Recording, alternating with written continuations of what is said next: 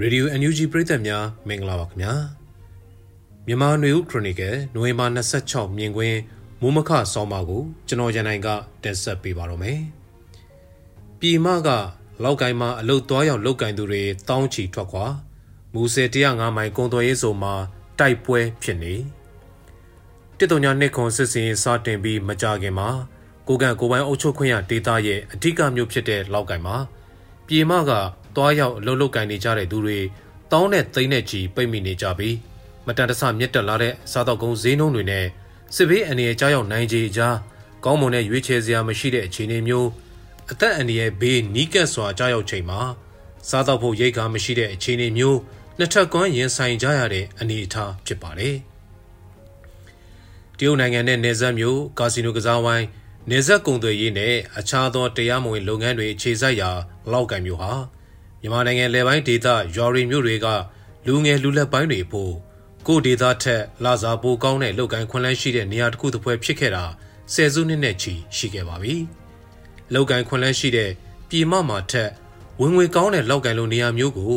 လူတောင်းတဲ့သိန်းနဲ့ချီတွားရောက်ကအလုပ်လုပ်ကိုင်နေကြသူတွေအခုလိုရုတ်တရက်စစ်ပွဲဖြစ်ပွားလာတဲ့အခါမှာနေရပြန်မှုခက်ခဲတဲ့အဖြစ်နဲ့ကြုံကြရတာဖြစ်ပါတယ်။တစ်တုံညာနှစ်ခွန်စစ်စင်ရေး စတင်ကာဇရပ်ပိုင်းအရေးအတွက်တချို့လောက်ကင်ကနေထွက်ခွာနိုင်ခဲ့ကြပေမယ့်အများပြားကြန့်ရှိနေပြီးနောက်ပိုင်းအဝင်ထွက်ဂိတ်တွေကိုကိုးကန့်ကစစ်ကောင်စီဘက်ကရောလောက်ကင်ကိုပိတ်ဆို့ဖို့ပြင်ဆင်နေတဲ့ကိုကန့်လက်နက်ကိုင်အဖွဲ့ MNDAA အဖွဲ့ကပါပိတ်ထားတာကြောင့်နေရမပြန်နိုင်ပဲအစမတန်ကုံစင်းနှုံးတွေကြားနေထိုင်နေကြရပြီးမျိုးတွေကထွက်ခွင့်ရဖို့စောင့်ဆိုင်းနေကြရကယမန်နေ့ကစတင်ပြီးဖွင့်ပွေးလိုက်တယ်လို့သတင်းတွေမှာဖော်ပြထားကြပါတယ်။ ထောင်တောင်းနဲ့ချီတဲ့လူတွေစိုက်ကယ်တွေနဲ့တန်းစီနေတဲ့မြင်ကွင်းတွေသတင်းတွေထဲမြင်တွေ့ကြရတာဖြစ်ပါတယ်။သတင်းပတ်နဲ့ချီပိတ်ဆို့ထားရမှာနေရက်ပြန်မဲ့ရွှေပြောင်းအလုပ်သမားတွေပါထွက်ခွာခွင့်မပေးခဲ့ရကအခုရပိုင်းမှာထွက်ခွာခွင့်ပေးခြင်းဟာလောက်ကံမျိုးကိုတိုက်ခိုက်ဖို့ဆုံးဖြတ်ချက်ကြောင့်စစ်ဘေးရှောင်သူတွေကိုထွက်ခွာခွင့်ပြုလိုက်တာလားလို့လဲစဉ်းစားစရာရှိတာဖြစ်ပါတယ်။ကိုကန့်လက်နက်ကိုင်ဖွဲ့ MNDA အနေနဲ့ကိုကန့်ကိုပိုင်အုပ်ချုပ်ခွင့်ဒေတာတွေကချင်းရွှေဟော ကွန်လုံးမူဆယ်မြို့နယ်တွေကကျူကုတ်မုံကိုဖောင်းဆိုင်တို့ကိုတင်ယူထားပေမဲ့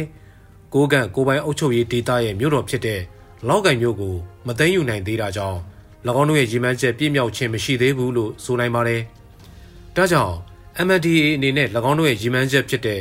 လောက်ကင်မြို့ကိုသိမ်းယူဖို့လှုံ့ဆော်မယ်ဆိုတာထင်ရှားနေပြီးလောက်ကင်မြို့ကသူတွေအနေနဲ့မြို့ကိုသိမ်းယူဖို့တိုက်ခိုက်တဲ့စစ်ပွဲတွေဘယ်လိုပုံဖြစ်ပွားလာမလဲဆိုတာ လောလောဆယ်မှာမှန်းဆဖို့ခက်ခဲပါတယ်။မကြသေးခင်ရပ်ပိုင်းကလောက်ကင်မျိုးအထွက်နီးမှာစစ်ဘေးကြောင့်တင်းရှောင်မဲ့ကားတစ်စီးကိုလက်နက်ကြီးကြီးထိမှန်ပြီးအ ਨੇ ဆုံး6ဦးသေဆုံးခဲ့ရသလိုအဲ့ဒီဖြစ်ရမတိုင်ခင်ကလည်းတန်းစီပြီးထွက်ခွာဖို့ကြိုးစားနေကြတဲ့စစ်ဘေးရှောင်တွေအပေါ်လက်နက်ကြီးကြီးကြားရောက်ပြီးစစ်ဘေးရှောင်သူအချို့အသက်ဆုံးရှုံးခဲ့ကြရတာဖြစ်ပါတယ်။ဒီနေ့ဖို့တင်ပြမဲ့အခြားသတင်းအကြောင်းအရာတစ်ခုကတော့အထက်ကဖြစ်ရတဲ့ဆက်ဆက်နေတဲ့ တစ်တုံညာနှစ်ခွန်စစ်စင်ရေးရဲ့အစိတ်အပိုင်းဖြစ်တဲ့မူဆယ်မြို့နယ်က105မိုင်ကုံသွေးရေးဆိုမှာနိုဝင်ဘာလ26ရက်နေ့ညပိုင်းကစတင်ပြီးမြောက်ပိုင်းလက်နက်ကင်ညီနောင်၃ဘွဲ့နဲ့စစ်ကောင်စီတပ်တွေကြားတိုက်ပွဲဖြစ်ပွားနေတဲ့ဆိုတဲ့သတင်းပဲဖြစ်ပါတယ်။တစ်တုံညာနှစ်ခွန်စစ်စင်ရေးတလတင်းတင်းပြည့်ချိန်မှာစစ်စင်ရေးအရှိန်ကိုနောက်တစ်ဆင့်မြင့်မယ်လို့မြောက်ပိုင်းသုံးဘွဲ့ကအခုရပိုင်းတွင်ကြေညာထားပြီးဘဲလိုဘဲပုံအရှိန်မြင့်မယ်ဆိုတာကတော့အသေးစိတ်ပြောဆိုခြင်းမရှိပါဘူး။။ ဒါပေမဲ့မှန်းဆကြည့်ရင် MNDAA အနေနဲ့ကိုးကန့်ဒေသကကြန့်ရှိနေသေးတဲ့မြို့အချက်ချစစ်စခန်းတွေကိုသိမ်းယူဖို့စ조사မဲ့သဘောမျိုးနဲ့ TNL အနေနဲ့ကတော့လက်ရှိတိုက်ခိုက်သိမ်းယူထားတဲ့နမ်ခမ်းမြို့နဲ့လာရှိုး area တဝိုက်ကစစ်ကောင်စီရဲ့မိုင်းချက်စစ်စခန်းစတာတွေပြင်အခြားသောဒေသတွေကိုပါတိုက်ခိုက်ဖို့ရည်ရွယ်ထားသလားလို့မှန်းဆကြည့်ရပါတယ်။ TNL အနေနဲ့ရှမ်းပြည်နယ်မြောက်ပိုင်းမှာစစ်ရေးလှုပ်ရှားမှုတွေများလာတာနဲ့တူ နယ်မြေဆိုးမမှုပုံမှုရလာတာတွေကရှမ်းပြည်နယ်မြောက်ပိုင်းမှာလှုပ်ရှားနေတဲ့အချို့သောတိုင်းရင်းသားလက်နက်ကိုင်ဖွဲ့တွေကိုစိုးရိမ်မှုတွေရှိစေနိုင်တဲ့အလားအလာလည်းရှိနေတာဖြစ်ပါတယ်။အထူးသဖြင့်